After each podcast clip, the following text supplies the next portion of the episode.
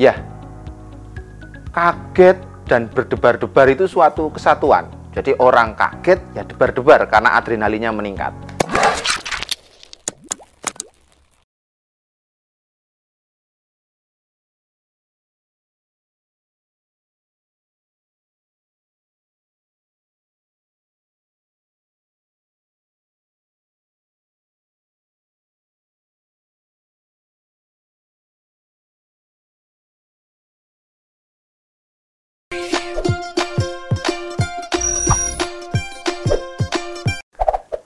Halo, halo. Balik lagi di Haidok nih. Banyak juga ya yang bertanya tentang jantung. Ada yang nanya gejala, ada yang nanya kenapa jantungnya berdebar-debar? Apakah ini jatuh cinta atau bukan? Tapi it's okay.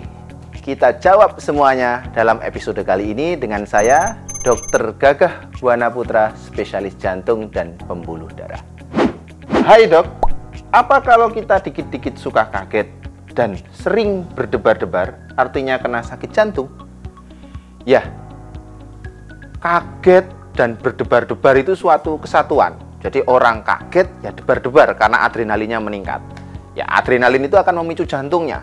Nah, kalau jantung bisa berdebar-debar karena kaget, itu normal, Anda masih sehat. Ya.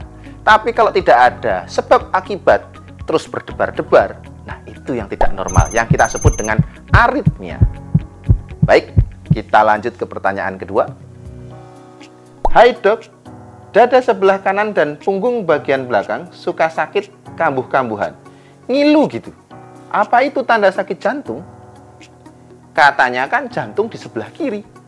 Tapi aku sakitnya kok di kanan. Ya, Anda sudah betul.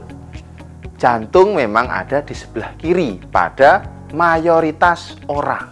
Tetapi ada kasus jantung di sebelah kanan yang kita sebut dextrokardia. Dextro artinya kanan, kardia artinya jantung. Tetapi mayoritas tetap di kiri. Sehingga kalau ngilunya di kanan, kemungkinan besar penyebabnya bukan jantung memang. Ya. Sampai dibuktikan bahwa dia memang jantung. Jadi tidak perlu khawatir. Ya, sekarang ke pertanyaan ketiga. Hai dok, apa bedanya bila serangan jantung itu menyerang usia muda, usia dewasa, dan usia lansia?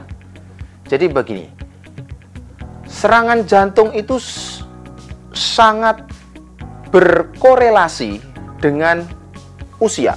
Makin bertambah tinggi usia, maka makin memiliki resiko terkena serangan jantung atau penyakit jantung koroner.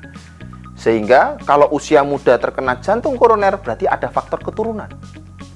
Kalau usia dewasa, dewasanya seberapa dulu? Dewasa dalam definisi adalah di atas 18 tahun. Nah, itu juga belum resiko. Jadi untuk laki-laki di atas 40 tahun baru berisiko. Untuk perempuan setelah menopause baru berisiko. Nah, kalau pada orang tua atau lansia, maka memang wajar dia bisa mengalami penyakit jantung. Sehingga harus dilakukan screening, yaitu dengan tes treadmill. Sehingga kita bisa tahu lebih awal apakah Anda mempunyai risiko yang tinggi terhadap penyakit jantung koroner atau risiko yang rendah. Nah, sampai di akhir episode kali ini, gimana? Masih ada pertanyaan lagi? Saya tunggu pertanyaannya dan kirim di medsos Ina Health Ketemu lagi dengan saya di episode berikutnya. Saya Dr. Gagah Buana Putra. Mohon pamit. Sampai jumpa.